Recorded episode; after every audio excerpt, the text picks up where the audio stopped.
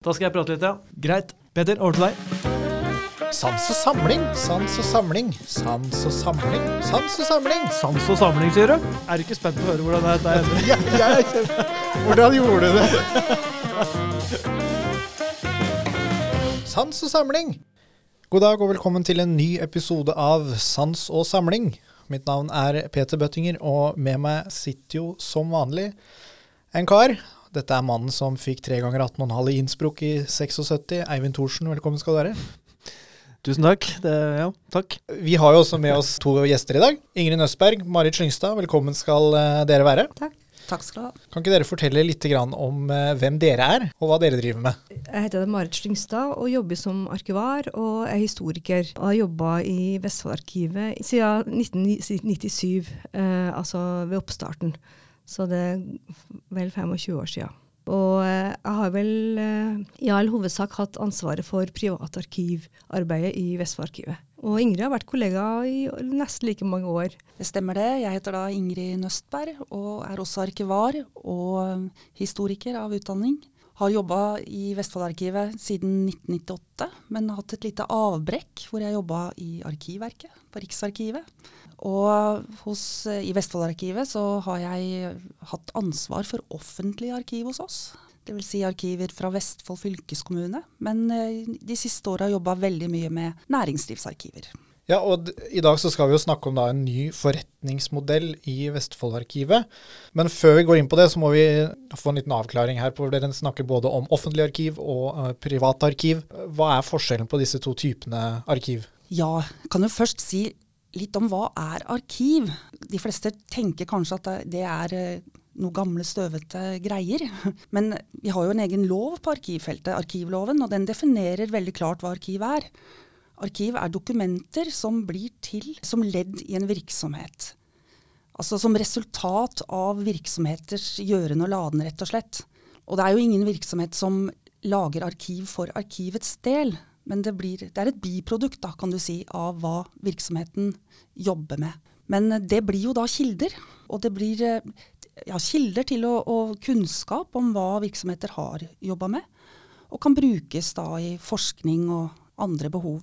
Og offentlig arkiv, det er da arkiv etter offentlige virksomheter. Altså Dvs. Si statlige og kommunale og fylkeskommunale virksomheter. Og offentlig arkiv er veldig lovstyrt. Alt offentlig materiale det skal avleveres til arkivinstitusjoner. Etter visse kriterier, da, selvfølgelig. Mm. Mens for den private delen, altså privatarkiv, det har ikke samme lovvern. Og eh, der er det mer fritt fram, så det blir mer opp, vårt oppdrag da, å prøve å sikre noe av dette her.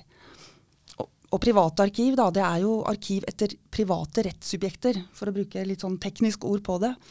Men helt konkret så dreier det seg om arkiv etter organisasjoner, bedrifter, men også privatpersoner. Det kan jo være personer som har hatt viktige roller i samfunnet, som, det er, som har at det er blitt danna et arkiv. Så det er også en viktig del av det. Kan jeg bare spole tilbake litt i introen her, for uh, Dere sa jo dere jobba i Vestfoldarkivet, og at det var fra 1997 det ble oppretta. Kan dere bare, liksom, Før vi går litt videre på det med privatarkiv, og fortelle litt mer om Vestfoldarkivet? Om uh, hvor, finner, hvor, finner, man det, og hvor, hvor mange jobber her? Jeg har lyst til å høre litt mer om det også, før mm. vi går videre. Ja, det stemmer. Vi ble oppretta i, i, 1997. Og hovedoppdraget vårt er jo da å, å, samle inn og systematisere og katalogisere, altså lage oversikt over hva arkivene faktisk inneholder. Og publisere det på, på, det som heter Arkivportalen, som er en nasjonal database over alle arkiver i norske arkivinstitusjoner. Vårt formål er jo å legge kilder til rette for forskere og andre interesserte. Da. Vi er vel uh, i dag åtte-ni ansatte som har uh, arkivet som arbeidsfelt. Da. Vi fikk nytt bygg her i 2012 på Hinderveien. Vi var i Tønsberg for den tid. Da ble det trangt om plassen der, og nå har vi fått store arkivmagasiner med plass til 10 000 meter med arkiv. Ja, og vi er altså da i Sandefjord. Ja. For de som ikke vet hvor Hinderveien er. Ja. ja. Mm. Og vi har selvfølgelig da en uh, lesesal uh, som uh, er åpen for publikum. Fortrinnsvis en gang i uka hver onsdag. Og så er det mange som henvender seg til oss på e-post selvfølgelig også. Så vi har mye saksbehandling både i forhold til offentlig arkiv og, og forespørsler på privatarkiv. Ja. Mm. Kan jo nevne at det, det vi har av offentlig arkiv hos oss, det er jo arkiver etter Vestfold fylkeskommune. Altså fram til eh, den eh, sammenslåingen med Telemark i 2020. Men eh, vi blir også da depotinstitusjon etter arkivloven for nye Vestfold fylkeskommune. En av de nye satsingene da, til, eh, til Vestfoldarkivet, det er jo da noe som vi kaller for eh, næringslivsarkiver. Kan du fortelle litt om hva mer dette går ut på? Er det, er det egentlig det samme som et privatarkiv, eller er det en, en forskjell der? Altså Et næringslivsarkiv er jo et privatarkiv, selvfølgelig. Og eh, vi kan si at et næringslivsarkiv består av dokumentasjon etter virksomheten. Ikke sant? Alle aktivitetene som har foregått. Det gjelder altså møtereferater fra generalforsamlinga, styremøter, korrespondanse, strategiarbeid, budsjettarbeid, investeringsdokumentasjon. Selve produksjonen, produktutvikling, salg og markedsføring, leverandør- og kundedokumentasjon og foto. og veldig, veldig mye forskjellig. da. Og Noen er jo små, og noen er store. Så Arkivene er da vitnesbyrdet om hva som faktisk har skjedd i en bedrift. Vi kan jo ikke huske på alt, så arkivene er veldig viktig, eh, for det er på en måte i virksomhetens egen hukommelse. da. Og Før vi går mer inn på næringslivssatsinga som sådan, så kan jeg jo si at vi har eh, jobba med, med bedriftsarkiver helt siden oppstarten i 97, og vi har faktisk ganske mange bedriftsarkiver i Vestlandarkivet i dag. Både bedriftsarkiver som, eh, altså arkiver etter bedrifter som er nedlagt, men også noen eksisterende virksomheter. Eksempelvis man kunne nevne i nord så har vi jo eh, tekstilindustrien på Berger.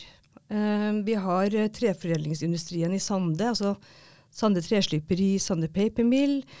Og vi har ikke minst Hydro Aluminium i Holmestrand, som eksisterer fortsatt, selvfølgelig. Et stort arkiv. Vi har eh, SCA Mølnlykke, altså Saba-fabrikken som lå utenfor Tønsberg her. Det er jo også en nasjonal kjent eh, virksomhet sånn sett. Eh, og eh, vi har Martinsen sølvvarefabrikk, som da eksisterer fortsatt. Og de leverer eh, alle pokalene, altså en, en, norgesmesterskapspokalene, da. Kongepokalene, Ja, ja, ja. Ja.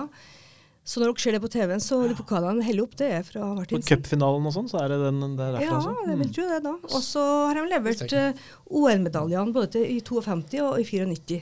Ja. Men hva med hvalfangstrederier og sånn, har dere sånne ting? Ja, ja. Mm. Vi har, eh, vi har eh, En stor del av arkivsamlinga er jo hvalfangstselskaper og rederier. Mm. Og ellers Sandefjord Skofabrikk eh, her i byen. Vi har uh, fabrikker, og vi har Norges siste fyrstikkfabrikk, Agnes fabrikker utenfor Stavern. Vi har Tresk og Fritzøes virksomhet dokumentert. Ja, Og Jotron faktisk som en av de siste nå eksisterende. Så hadde Norges siste fyrstikkfabrikk. Ja, Ja. Så nå er vi ikke lenger selvforsynt på fyrstikker, Peder. Det uroer meg å høre, Ja. men uh, er det får vi ta en annen gang. Det har ikke noe med dette å gjøre. Nei da, så, så vi har mye. Og det som eh, vi ser eh, når vi studerer de samlingene vi har, eh, det er jo at vi har arkiver etter virksomheter som har hatt stor evne til omstilling. Fra f.eks. verftsindustrien, som, eh, som begynte å produsere seilskuter. Og endte med, med bl.a. Eh, produksjon av oljeplattformer. Jeg tenker på både Framnes Mekaniske Verksted her i byen og Kalnes Mekaniske Verksted i Tønsberg. Men også leverandørindustrien har eh, omstilt seg veldig. Et eksempel er jo f.eks. Uh, jeg kunne nevnt mange, selvsagt, men eh, Tønsberg grepebane, som ble hetende Scanrop etter hvert, og fikk andre navn òg, ettersom eh, eiers, det var eierskifte. Men eh, de begynte jo å, Det er jo en bedrift som ble etablert i 1796 og var Norges eh, eldste eksisterende veldig lenge. Avvikla i 2017. Da begynte å produsere tøyverk til seilskutene. Eh, Hvalfangstflåten ble en viktig eh, kunde, eller et marked. Det samme var trålerflåten. Og eh, etter hvert så begynte de å produsere undersjøiske kabler. både til oljeplattformer, men også til vindmølleparker. Eh, og et, jeg tok med meg bare et eksempel her. Ja. For arkivene inneholder jo så mye forskjellig. I arkivet så, Det hender jo vi har noen små gjenstander i arkivene også. Her er det, eh, det er noe som heter kvalitetsprøver på fiber. Eh, dette er gamle prøver som viser ulike eh, tau, eh, eksempler på tau. Dette er kokos, da. Ja. Her har vi altså da en, en papirmappe med, med da, tauprøver Ja. på et ark. Ja. Og i den andre enden ikke sant, så har vi da eh, disse undersjøiske kablene som, eh, som dere ser her. Eh, det er tverrsnitt av en, eh, en kabel som ble levert til, til Ekofisk i eh, 2004. Ja. Mm. Det er noen ganske tykke kobber... eh, Ja. Ja, her er det mye som går gjennom den her, ikke sant. Mm. Og det er samme da bedriften, Ja, samme ikke sant? bedriften. Så ser du liksom litt utviklinga. Ja, Mm. ja. Eh, og det er jo arkivene som speiler den utviklingen, ikke sant. Uh, og, og til sist nå så fikk vi da også overført uh, bedriftens digitale arkiv. For det er også en del av arkivene, ikke sant. Og da ser jeg jo det at arkiv Mange tenker, i hvert fall jeg, at arkiv det er, det er tekst. Mm. papir med tekst. Men her har vi også da gjenstander fra, fra denne bedriften. Da. Ja, du kan si at når vi, når vi går ut Vi har jo primært ansvar for arkivene, men eh, det følger gjerne med noen eh, gjenstander. Og er det veldig smått, så tar vi det gjerne kanskje i en arkivboks. Men så er vi heldige å være her på Hinderveien, hvor, det er, eh, hvor samlingsforvaltninga holder til med gjenstandsmagasin. Så da kan vi samarbeide med dem at gjenstander overføres dit. Og så til sammen blir det en veldig god dokumentasjon. Gjenstander på den ene sida og arkiv hos oss, da. Så da har du alt under samme tak.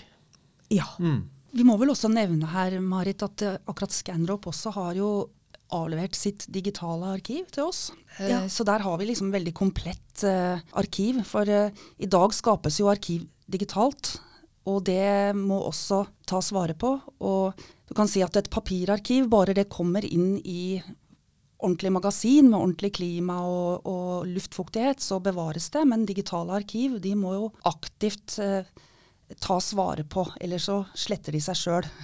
Så det må vi hanke inn mye tidligere enn en papirarkiv. da. Så må det vedlikeholdes. Så det er veldig viktig oppgave. Så dere har litt mer eh, holdt på å si hastverk nå da med, med digitale arkiver? Fordi det, ja, stemmer det. du finner ikke en harddisk om 40 år med Da er løpet kjørt. Ikke sant? Ja. Ja. Mm. Men du kan se at uh, det som er hovedutfordringa med bedriftsarkivene, er at de er store ofte. Eh, og det, det er et problem som, eh, som eh, er kjent sånn sett. Og det betyr jo også at mange bedriftsarkiver ikke er tatt vare på. Fordi man ikke har hatt muligheten til det.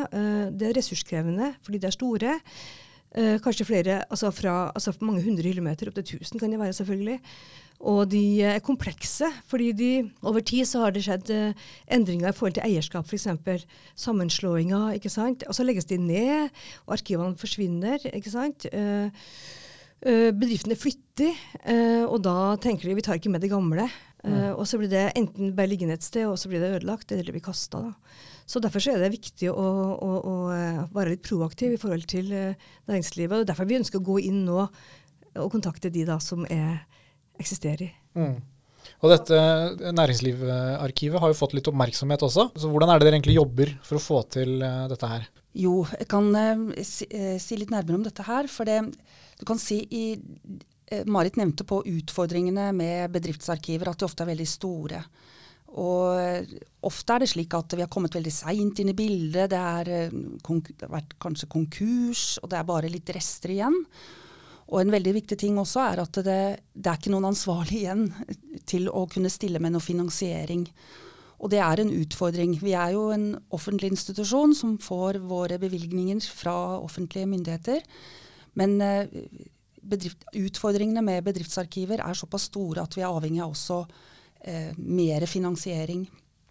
Og de siste årene så har det starta opp en ny tilnærming til bevaring av næringslivsarkiver eller bedriftsarkiver i Arkiv-Norge. Det starta med noe som heter Norsk olje- og gassarkiv, som Arkivverket eh, i Stavanger startet opp med i 2014.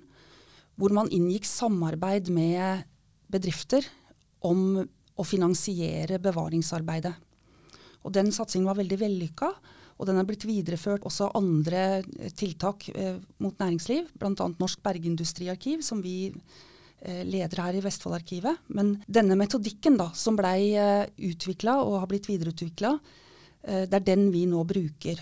Og selve modellen det går inn på at vi kontakter eksisterende bedrifter og inngår et samarbeid med dem om bevaringsarbeidet. Da betaler bedriften en engangssum for å få arkivet i orden, altså ordna som vi kaller det, og tilgjengeliggjort på arkivportalen. Det er en engangskostnad eh, som bedriften da har, og så overtar jo vi forvaltningsansvaret for dette arkivet i prinsippet for all evighet. Hvordan er det på en måte man velger ut eh, hvilke hvilke bedrifter man kontakter og man ønsker å samarbeide med? Jo, altså du kan si det er jo mange bedrifter her i vår region, så vi kan, kan jo ikke nå over alle. Men vi har uh, eh, utarbeida en bevaringsplan og en strategi for hvordan vi går fram. At vi velger ut de viktigste, da. Uh, har visse kriterier det går, går etter. Og så tar vi uh, rett og slett helt konkret kontakt med bedriftene. Så det er en veldig proaktiv tilnærming. Istedenfor å sitte her og vente på at arkivene kommer til oss, så tar vi kontakt. Det mm. hender jo selvfølgelig at bedrifter selv tar kontakt, men vi tar kontakt og eh, ber om et møte med bedriftsledelsen i første runde, hvor vi da presenterer eh, opplegget vårt. Litt sånn salgsmøte nesten? da? Det er det. Du kan si at eh, det er et type innsalgsmøte som vi da har. Og arkiv er jo selvfølgelig som oftest en helt ny problemstilling for en bedriftsleder. Det er ikke det man tenker på. Så det blir vår oppgave å, å forklare og prøve å selge dette inn, da. Og litt argumenter i, i så måte, da. Det er jo selvfølgelig å appellere til uh, litt samfunnsansvaret. At det er viktig at uh, også dokumentasjon etter uh, bedriften blir bevart, rett og slett. Ja, altså det vil jo være til nytte for bedriften selv. Altså de, mm. de eh, får mye mer orden på arkivet sitt, de får oversikt. Og eh, de slipper å sitte på gamle datasystemer og drifte det. De kan få dette over til mer bestandige formater. Og et, et argument eller en et problemstilling som har kommet inn veldig mye de siste åra, er dette med GDPR, som det heter, altså personvernlovgivningen den personvernforordningen som har blitt implementert i norsk lovverk, som jo er veldig strengt. Eh, man har ikke anledning til å sitte på type personopplysninger lenger enn man har operativ behov for det, og risikere store bøter hvis det overtredes. Mens vi som en offentlig arkivinstitusjon har unntak for denne lovgivningen. Og har anledning til å, å bevare dette for ettertida. Da. Men er det bare bedrifter som er i virksomhet i dag? Hva hvis det er et, en nedlagt bedrift, da, hvor det er et stort arkivmateriale? Er det, da, er det mulig å ta det inn i, i, arkivet, det også? Ja, det er jo mulig, og, selvfølgelig. Eh, men da må vi prøve å finne andre måter å få finansiert arbeidet på. Og da har vi jo mulighet for å søke det som heter arkivutviklingsmidler, f.eks. Men uh, i det store og hele er jo ikke det så mye. Så, så, vi ser jo absolutt verdien av å, gjøre det på den måten som Ingrid har skissert her. Utvilsomt vil det Og vi opplever jo veldig positiv respons, Ingrid, ikke sant? Ja, vi, vi gjør det altså. Og eh, vi har jo inngått samarbeid med uh, her i, i, vår region da, med flere store aktører allerede. Starta opp, bl.a. Jotun her i Sandefjord. Eh, Bergene Holm, som er jo store på trelast. og vi jobber jo også litt utafor Vestfold, altså i Telemark, så vi har også inngått avtale med, med Skagerrak Kraft som vi har starta et uh, arbeid. Og det vi jo gjør, det er i første runde å kartlegge arkivet. For på dette møtet med bedriftsledelsen er det så veldig selvfølgelig helt umulig for, for de å si ja eller nei over bordet. Så vi tilbyr et forprosjekt hvor vi kartlegger arkivet og gjør en bevaringsvurdering etter uh, da kriterier. Og så gir vi et pristilbud til de på bakgrunn av dette og et gradert tilbud, slik at de kan selv eh, bestemme liksom hvor mye de er interessert i å, gå inn på. Da. Og jeg vil også nevne det at eh, et veldig viktig element i denne jobbingen, det er eh, tillit. Mm. For det er klart vi kommer altså inn i ja, jeg vil si bedriftens hjerte hjerte. Arkivene er jo det, og mye er fortrolig og sånt. Så et viktig basis for dette arbeidet er at uh, når vi inngår avtaler om avlevering, det er jo avtaler som regulerer alt dette arbeidet, så inngås også avtaler om hvordan innsyn skal håndteres. For det er klart, Vårt formål er jo å bevare arkiver for at de skal bli brukt i forskning og, og til andre formål. Men bedriften har anledning til å sette noen betingelser her. De kan bestemme at alt alle innsynsforespørsler, altså hvis publikum spør om å få, få se på dette materialet, at det skal forelegges bedriften for klarering. Og det har de faktisk etter arkivloven anledning til å bestemme kan vare inntil 100 år. Men de fleste gjør jo ikke det. Nei. Men la oss si 20 eller 30-40 år, da. Og da, hvis vi da får en henvendelse fra en forsker eller hvilken som helst annen om å få se det og det materialet, så sender vi en henvendelse til bedriften, og da kan de si ja eller nei. Og hvis de sier nei, så behøver ikke å begrunne det. Det er uh, helt suverent. Ja.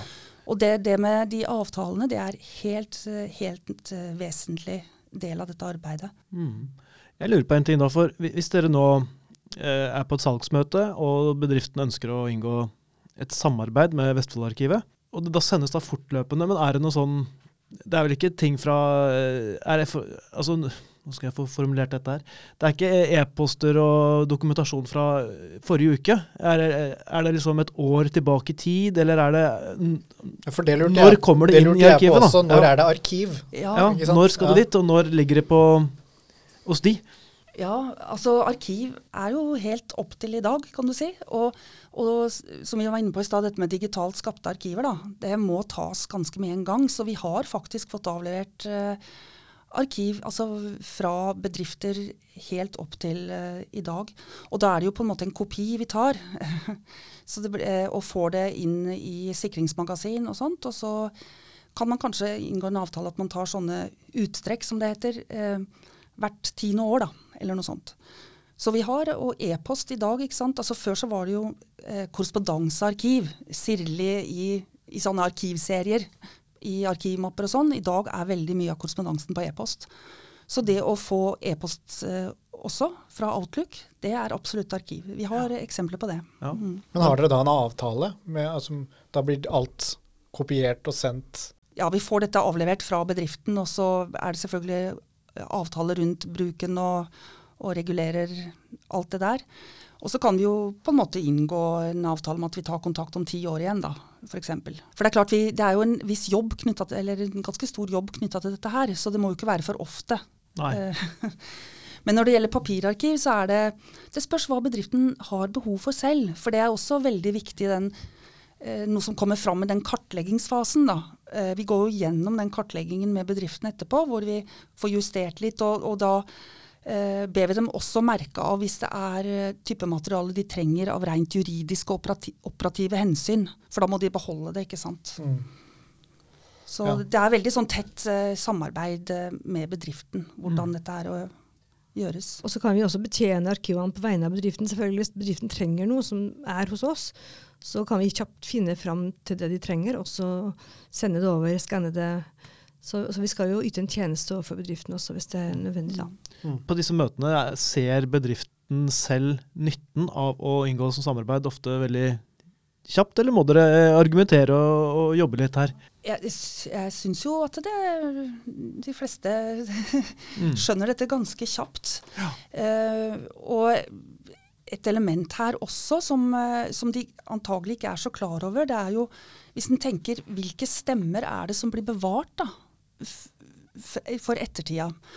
Og ofte sånn eh, Altså media, alle aviser og alt media, det jo, skal jo avleveres til Nasjonalbiblioteket i henhold til pliktavleveringsloven. Det er det mange som ikke er klar over. Så alle medieoppslag eh, de havner der.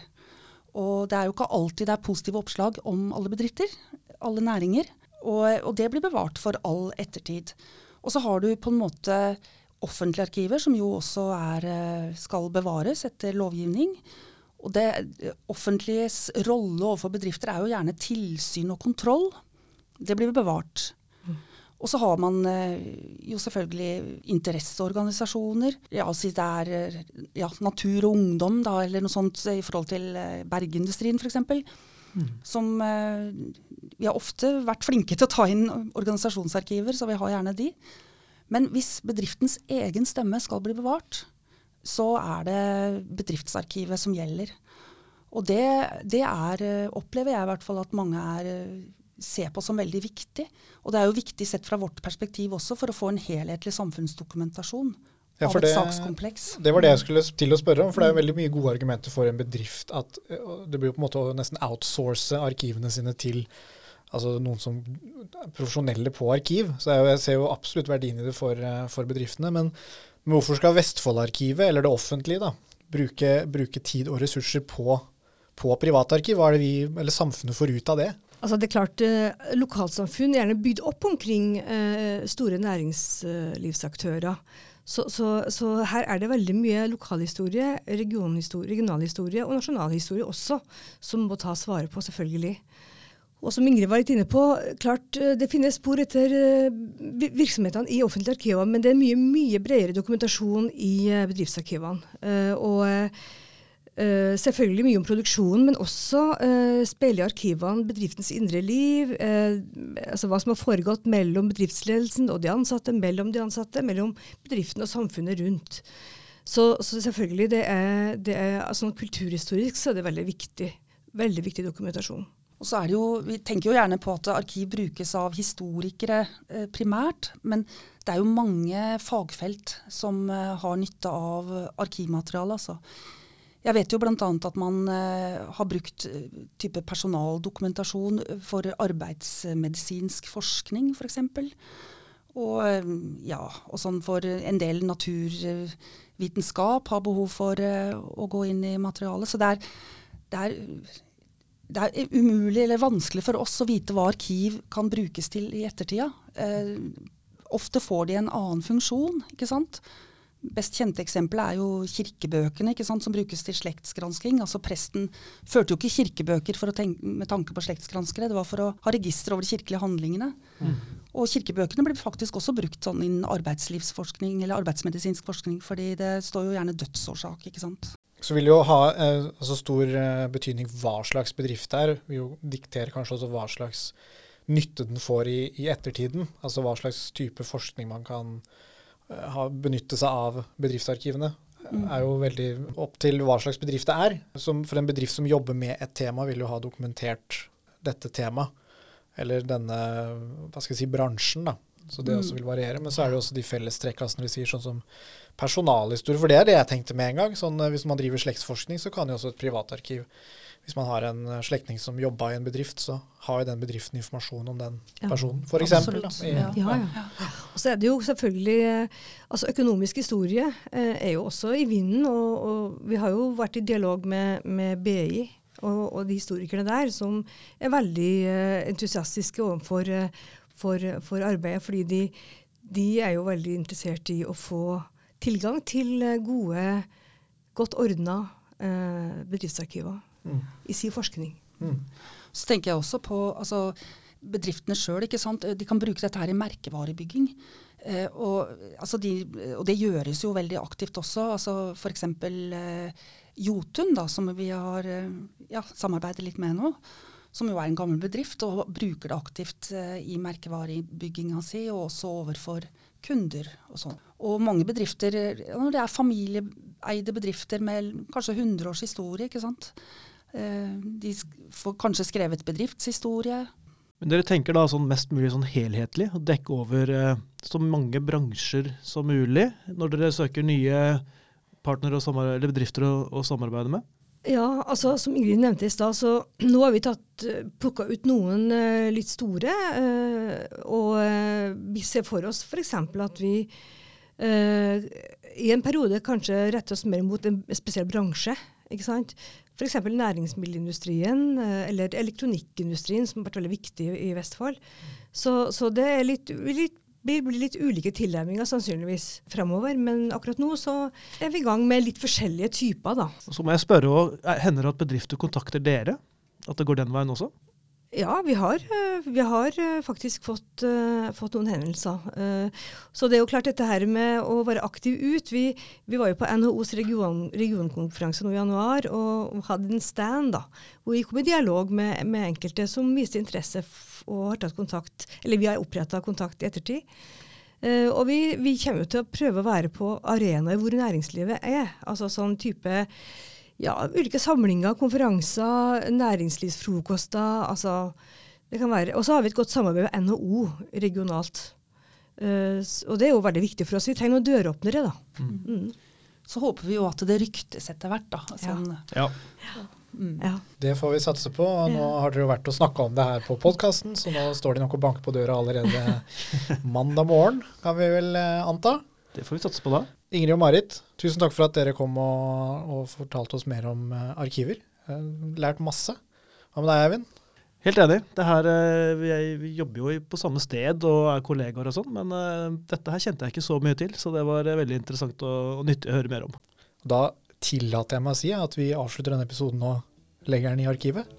Oh. Ikke dum, den? Nei, den var ikke dum. Bra avslutning, Peter. Jo.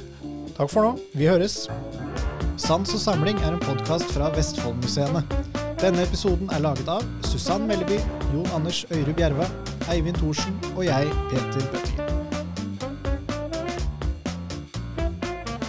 Ønsker du å kontakte oss, send en e-post til kommunikasjon krøllalfa vestfoldmuseene.no. Sans og samling!